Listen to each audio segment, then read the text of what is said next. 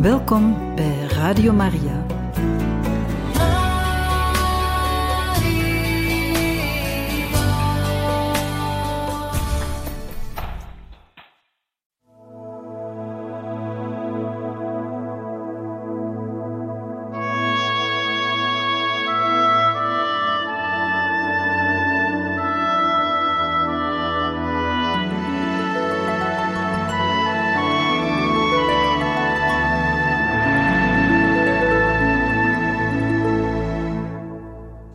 We gaan verder met de droeve geheimen. 1. Jezus bidt in doodstrijd tot de Hemelse Vader. In ontroering keert onze geest onophoudelijk terug naar het beeld van de heiland, daar ginds op de plaats en het uur van het laatste afscheid. En zijn zweet werd als bloeddruppels die op de grond vielen. Innerlijke smart, uiterste bitterheid vanwege de eenzaamheid, uitputting van het gebroken lichaam. De doodsangst kan slechts verklaard worden door het op handen zijn van het lijden dat Jezus nu niet meer veraf ziet, niet meer dichtbij, maar onmiddellijk aanwezig. De gebeurtenis van Gethsemane schenkt ons troost en moed om onze wil volledig te richten op het aanvaarden, een aanvaarden van het lijden, wanneer het God is die ons dat lijden overzendt of althans toelaat. Niet mijn wil, maar uw wil geschieden. Woorden die wonden helen, omdat zij laten zien tot welke laaiende gloed de christen die lijdt in vereniging met de leidende Jezus kan en moet komen. En ze geven ons, als in een uiterste aanraking, de zekerheid van onzichtbare diensten, namelijk de verdiensten van het goddelijk leven dat in ons groeit, vandaag nog in genade, morgen in glorie. Bij dit geheim moeten wij denken aan een bijzondere intentie: de zorg voor alle kerken. De zorg die het dagelijks gebed van de Heilige Vader beroert, zoals de wind het meer van Genezaret in beroering bracht. Want de wind was tegen de zorg van de meest bewogen uren van het verheven herdersambt. De zorg voor de kerk, die verspreid over de gehele aarde met hem meeleidt. En hij leidt mee met de kerk die in hem aanwezig is en in hem leidt. De angst van oneindig vele, grote delen van Jezus' kudde, blootgesteld aan de vervolgingen, terwijl van de, terwille van de vrijheid in geloven denken en leven. Indien iemand zwak is, zou ik het dan ook niet zijn? Deelnemen aan de smart van de broeders, lijden met degene die lijdt, wenen met de wenende, wordt tot een zegen, een verdienste voor de gehele kerk. Bestaat de gemeenschap der heiligen niet hierin, dat alle en ieder afzonderlijk deel hebben aan het bloed van Christus, aan de liefde van de heiligen en van alle goede mensen, en helaas ook aan onze zonden en onze zwakheden? Denken wij wel aan deze gemeenschap, die een verbondenheid moet zijn en als het ware een eenheid, zoals Christus zei, opdat alle één zijn? Het kruis van de Heer verheft ons niet alleen, maar trekt de zielen tot zich, voortdurend. En wanneer ik van de aarde omhoog geheven zal zijn, zal ik alles tot mij trekken. Alles en allen.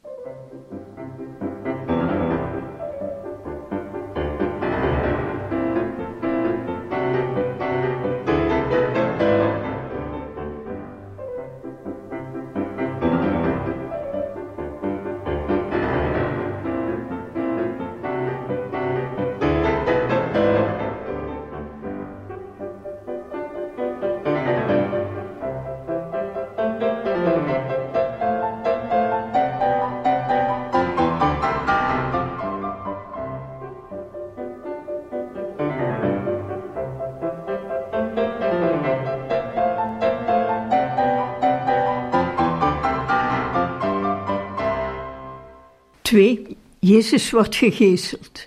Dit geheim brengt ons in herinnering de onbarmhartige pijnen van de talloze slagen op de reine en heilige ledematen van Jezus. De mens is samengesteld uit ziel en lichaam. Het lichaam is aan de meest vernederende bekoringen onderworpen. De wil, die zelf zwakker is, kan gemakkelijk verleid worden.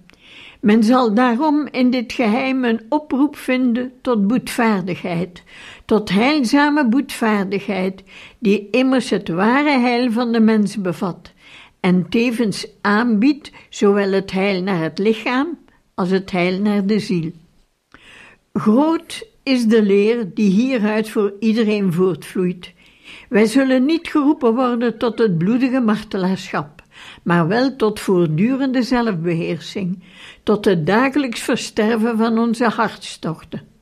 Welnu, langs deze weg, die een ware kruisweg is, een weg die wij dagelijks ervaren als onvermijdelijk en niet te ontwijken, die soms door zijn eisen een heldhaftige weg kan worden, komen wij stap voor stap tot de steeds grotere gelijkenis met Jezus Christus, tot het deel hebben aan zijn verdiensten en tot de reiniging van elke schuld in ons en in alle, dank zij zijn onbevlekt bloed.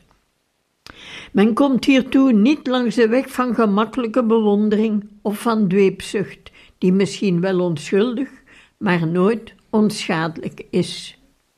De bedroefde moeder zag hem toen hij zo gegeeseld was. Stellen we ons eens voor met welk een verdriet. Hoeveel moeders zouden blij zijn om het opgroeien van hun kinderen die zij gebracht hebben tot en gewend hebben aan de normen van een goede opvoeding en een degelijk leven. Daarentegen moeten zij nu wenen bij het zien verdwijnen van al hun verwachtingen, vol verdriet over al die hoop die op niets is uitgelopen. De weesgegroeten van dit geheim zullen dus de Heer vragen om reinheid van zeden in de familiekring en in de mensengemeenschap, vooral voor de jongeren die het meest zijn blootgesteld aan verleiding. Zij zullen tegelijkertijd vragen om standvastig van karakter, om de gave van rotsvaste trouw aan de ontvangen leer en de gemaakte voornemens.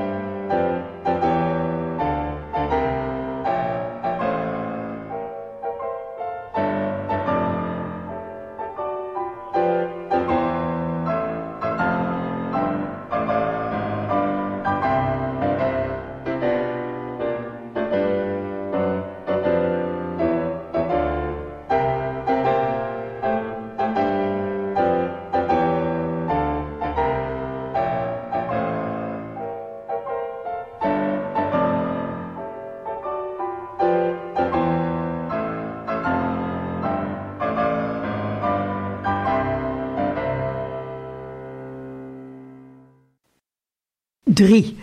Jezus wordt met doornen gekroond. De overdenking van dit geheim is bijzonder geschikt voor hen die belast zijn met een zware verantwoordelijkheid voor wat betreft de leiding in de staat. Het is dus het geheim van bewindslieden, wetgevers en magistraten. Op het hoofd van deze koning rust de doornenkroon.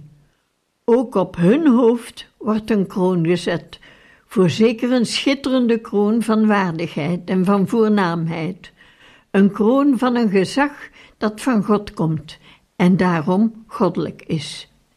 Toch is deze kroon zo doorweven met dingen die drukken, die wonden, die verbijstering en verbittering veroorzaken, kortom met doornen en verdriet. Zonder nog te spreken van de smart die veroorzaakt wordt door ongeluk of schuld van de mensen van wie men houdt en voor wie men uit plicht een vertegenwoordiger wil zijn van de Vader die in de hemel is. De liefde zelf wordt dan, evenals voor Jezus, tot een doornenkroon, door vrede mensen gevlochten om het hoofd van Hem die, men, die hen lief heeft. Een andere nuttige toepassing van dit geheim zou kunnen zijn eens te denken aan de zware verantwoordelijkheden van hem die meer talenten heeft gekregen en daarom verplicht is deze ook meer vrucht te laten dragen door middel van een voortdurende activiteit van vermogens en verstand. De taak van het verstand en de eis die gesteld wordt aan degene die met meer verstand is begiftigd, moet bestaan in raad en bijstand voor iedereen en moet met alle mogelijke geduld tot stand gebracht worden, met uitbanning van iedere neiging tot hoogmoed, egoïsme en schadelijke oneenigheid. 4. Jezus draagt zijn kruis naar de Calvarieberg. Het menselijk leven is een voortdurende, lange en zware pelgrimstocht. Omhoog dus over het steile, steenachtige pad, over de weg die voor alle omhoog afgebakend is tegen deze heuvel. In dit geheim vertegenwoordigt Jezus het hele menselijke geslacht. Wee als iemand van ons zijn kruis niet zou hebben. Die mens zou door egoïsme en ongevoeligheid verleid, vroeg of laat, onderweg bezwijken. Uit de beschouwing van Jezus die de Calvarieberg opgaat, leren wij het kruis omarmen en kussen, meer nog met het hart dan met het verstand, en het in volle overgave en opgewektheid dragen, volgens de woorden uit de navolging van Christus. Citaat: In het kruis is het heil, in het kruis is het leven, in het kruis is beveiliging tegen de vijand. In het kruis is de zoetheid die ingestort wordt uit den hoge. Einde citaat. En moeten wij Maria niet in ons gebed betrekken, die Jezus bedroefd volgde, vol innige deelname aan zijn verdiensten en aan zijn lijden? Het geheim moet ons het onmedelijke visioen voor ogen stellen van al die arme, beproefde mensen, wezen, oude vandaag, zieken, gevangenen, zwakken en bannelingen. Voor alle bidden wij om sterkte en vragen wij de vertroosting die alleen hoop kan geven. Wij herhalen met tederheid en, waarom niet, ook met een verborgen traan, gegroet, o kruis, onze enige hoop.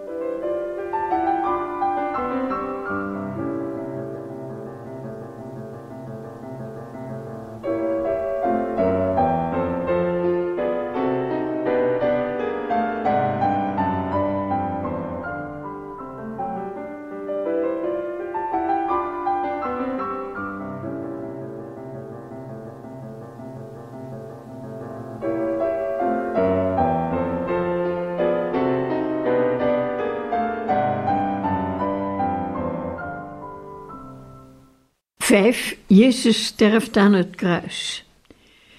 Leven en dood zijn in een wonderbare tweestrijd gewikkeld. Leven en dood tonen de twee betekenisvolle en beslissende momenten van Christus offer. Vanaf de glimlach van Bethlehem, die doorbreekt bij alle mensenkinderen bij hun eerste verschijnen op aarde, tot de laatste ademtocht en de laatste snik op het kruis, die al onze smarten omvatten om ze te heiligen en al onze zonden uitboeten om ze te kunnen vergeven, dat is het leven van Jezus in ons leven. En Maria staat daar dicht bij het kruis, zoals zij ook in Bethlehem dicht bij het kind stond. Laten wij deze moeder bidden dat zij voor ons een voorspreekster mag zijn, nu en in het uur van onze dood. In dit geheim zou men vaak het mysterie aangeduid kunnen zien van hen die nooit iets zullen weten. Wat een grote smart van het bloed dat door Gods Zoon voor hun vergoten is. Het geheim bovenal van de verstokte zondaars, van de ongelovigen, van hen die het licht van het evangelie ontvangen hebben en het nog ontvangen en het dan afwijzen. Wanneer wij zo denken, groeit het gebed uit tot een brede verzuchting, tot een hijgen naar de innig begeerde verzoening met het oog op de horizonten van het wereldapostolaat. En men vraagt uit het diepst van zijn hart dat het kostbare bloed, vergoten voor alle mensen, tenslotte aan alle mensen heil en bekering mogen schenken.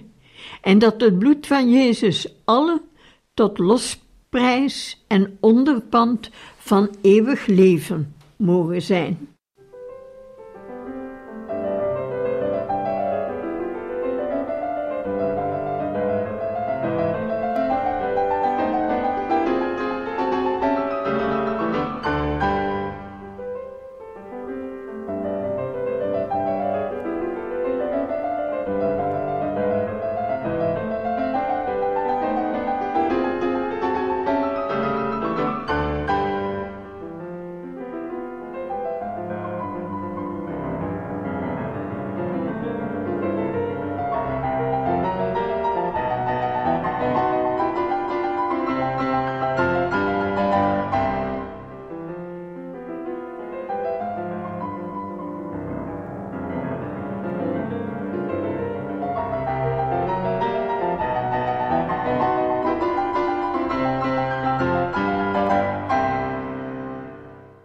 De glorievolle geheimen. Jezus verrijst uit de doden. Dit is het geheim van de dood, die door Jezus tegemoet getreden en overwonnen is. De verrijzenis betekent de grootste triomf van Christus en tegelijkertijd de verzekering van de triomf die de katholieke kerk zal behalen over iedere tegenspoed, over iedere vervolging in het verleden en in de toekomst. Christus overwint, Christus heerst, Christus regeert. Het is goed te bedenken dat de eerste verschijning van de opgestane Christus plaatsvond ten overstaan van de vrome vrouwen die hem in zijn eenvoudig leven omringden, die bij hem bleven in zijn lijden tot aan de Calvarieberg, ja, ook op de Calvarieberg. Door de glans van dit geheim zien wij met ons geloof de zielen die ons dierbaar zijn, in leven en uiteindelijk verenigd met de vrezen Christus, de zielen van hen waarmee wij intieme betrekkingen onderhielden en met wie wij iedere smart deelden. Hoe levendig wordt in ons hart de herinnering aan onze doden, wanneer wij de verrijzenis van Christus bezien herdacht door ons en geholpen door het offer van de gekruisigde en verrezen Heer, delen zij in ons betere leven dat te vinden is in het gebed en in Jezus. Niet voor niets besluit de Oosterse liturgie de begrafenisritus met het Alleluia voor alle doden. Wij bidden voor de doden om het licht van de eeuwige woontenten, terwijl onze gedachten zich tegelijkertijd richten op de verrijzenis die ons eigen sterfelijk lichaam te wachten staat. En ik verwacht de verrijzenis van de doden.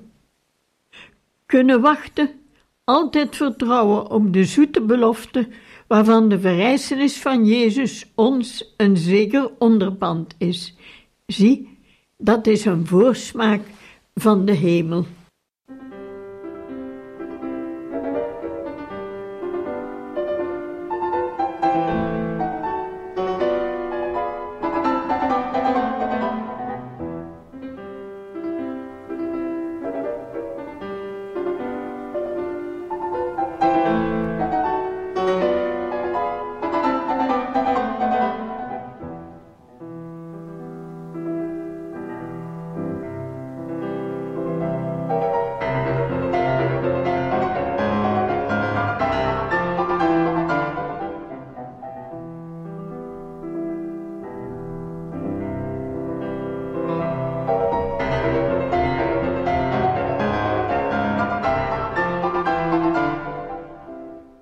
2. Jezus stijgt op ten hemel. In dit beeld overdenken wij de voltooiing, dat wil zeggen de uiteindelijke vervulling van Jezus' belofte. Het is zijn beantwoording van ons verlangen naar het paradijs, zijn definitieve terugkeer tot de Vader, van wie hij eens naar omlaag kwam te midden van ons in de wereld, is een zekerheid voor ons allen, voor wie hij daarboven volgens zijn belofte een plaats voorbereid heeft. Ik ga u een plaats bereiden. Dit geheim doet zich bovenal voor als een licht en een richtlijn voor hen die ijverig op hun persoonlijke roeping bedacht zijn. Hier ontdekt men de inspraken en de gloed van voortdurende ijver die brandt in het hart van de priesters, die niet belemmerd of afgeleid worden door aardse goederen, en die er slechts op uit zijn om voor zichzelf en voor anderen de wegen te banen die leiden tot heiligheid en volmaaktheid. Dat wil zeggen, tot die graad van genade waartoe, zowel persoonlijk als in het openbaar, de priesters, broeders, zusters, mannelijke en vrouwelijke missionarissen en leken die God en de kerk liefhebben, moeten komen. Veel mensen althans die mensen die zijn als de geur van Christus, en waar zij zijn, wordt men gewaar dat Christus nabij is. Zij leven inderdaad reeds in een voortdurend contact met het hemelse. Dit tientje van de rozenkrans leert ons en spoort ons aan ons niet te laten weerhouden door datgene wat ons belast en bezwaart, maar ons over te geven aan de wil van de Heer, die een aansporing is op onze weg naar omhoog. De armen van Jezus spreidden zich tijdens de hemelvaart op het ogenblik van zijn terugkeer naar de Vader met een zegenend gebaar uit over de eerste apostelen en over al degenen die als de apostelen in hem blijven geloven. Er is in hun hart een vredige en rustige zekerheid met het oog op de laatste ontmoeting met Hem en met alle verlosten in de eeuwige zaligheid.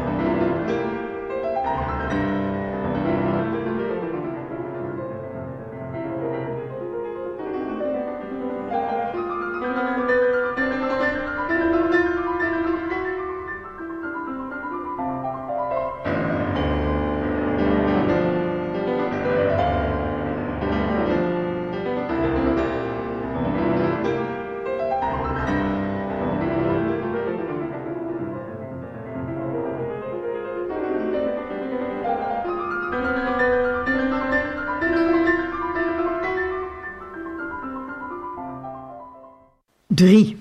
De Heilige Geest daalt neer over de apostelen. De apostelen ontvingen bij het laatste avondmaal de belofte van de Heilige Geest. En na het afscheid van Jezus, maar in Maria's aanwezigheid, ontvingen zij in de zaal van het laatste avondmaal het hoogste geschenk van Christus. Wat is zijn geest anders? Hij is de trooster en degene die leven geeft aan de ziel. De Heilige Geest zet zijn nederdaling over de kerk en in de kerk iedere dag voort. Eeuwen en volkeren behoren aan de Geest, behoren aan de kerk. De triomfen van de kerk zijn niet altijd uiterlijk zichtbaar. In werkelijk zijn zij er altijd en altijd zijn zij rijk aan verrassingen, ja, vaak aan wonderen. De weesgegroeten van het geheim dat wij overdenken richten zich op een speciale intentie. In dit jaar van geloofsijver zien wij immers hoe de gehele heilige kerk, die als een pelgrim door de wereld trekt, zich voorbereidt op en in beweging is naar het ecumenisch concilie. Het concilie moet uitgroeien tot een nieuw Pinksterfeest van geloof, apostolaat en bijzondere genade, ten bate van het welzijn van de mensen en de vrede in de gehele kerk. Maria, de moeder van Jezus en steeds onze allerzoetste moeder, bevond zich tezamen met de apostelen in de zaal van het Pinksterfeest. Laten wij haar dit jaar door middel van de rozenkrans altijd meer nabij zijn. Onze gebeden zullen in vereniging met die van haar het vroegere wonder hernieuwen, en het zal zijn als het reizen van een nieuwe dag, een zeer bewogen dageraad voor de katholieke kerk in de moderne tijden, die heilig en steeds meer heilig, katholiek en steeds meer katholiek moet zijn.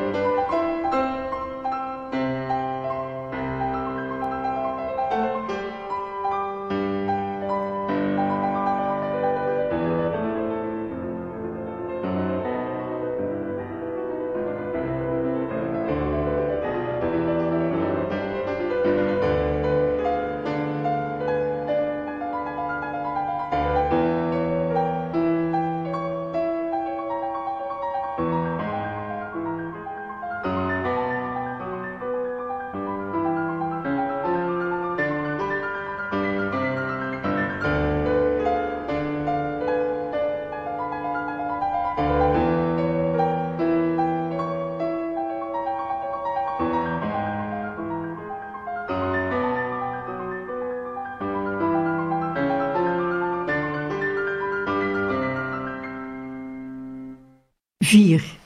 Maria wordt in de hemel opgenomen. Het verheven beeld van Maria schittert en straalt in de hoogste verheffing die een schepsel kan bereiken. Wat een schouwspel van genade, van sfeer en van plechtigheid, deze insluimering van Maria, zoals de christenen van het oosten het noemen. Zij ligt uitgestrekt in de vredige slaap van de dood. Jezus staat naast haar. Hij houdt haar tegen zijn hart. De ziel van Maria wordt afgebeeld als een klein kind om te wijzen op het wonder van de onmiddellijk daarop volgende verrijzenis en verheerlijking. De christenen van het Westen geven er de voorkeur aan om Maria met de ogen en het hart te volgen in haar lichamelijke opneming ten hemel. Zo hebben haar de meest beroemde kunstenaars gezien en uitgebeeld, onvergelijkelijk in goddelijke schoonheid. Ach, dat wij haar zo mogen volgen, dat wij ook omhoog gevoerd mogen worden te midden van de engelenscharen.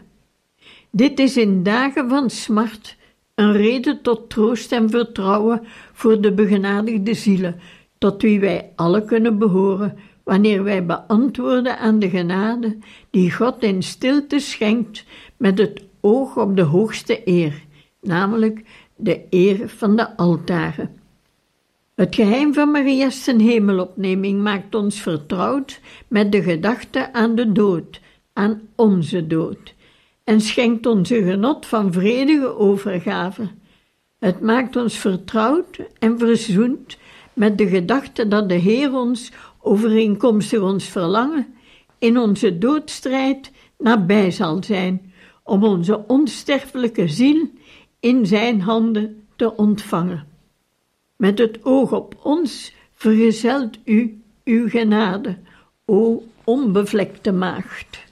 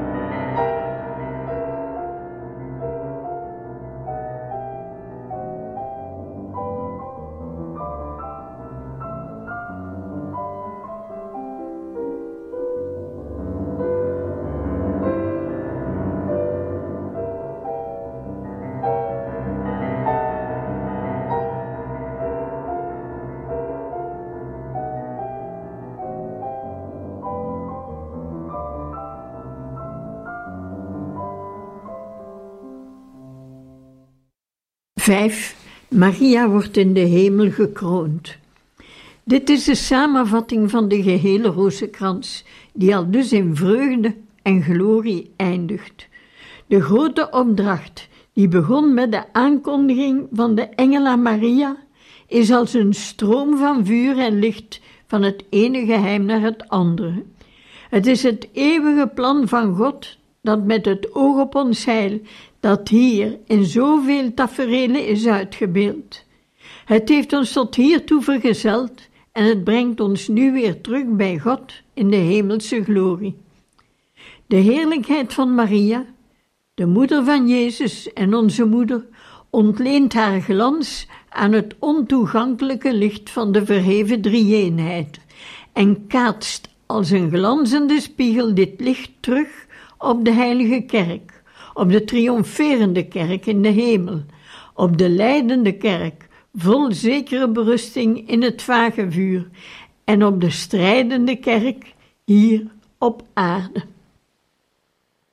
O Maria, gij bidt met ons en voor ons. Wij weten het, wij ondervinden het. Wat een heerlijke werkelijkheid, wat een verheven glorie geeft de rozenkrans ons voortdurend in dit hemels en menselijk samengaan van gevoelens, van woorden en van leven. Het is een verzachting van het menselijk leed, een voorsmaak van bovenaardse vrede, een hoop op eeuwig leven.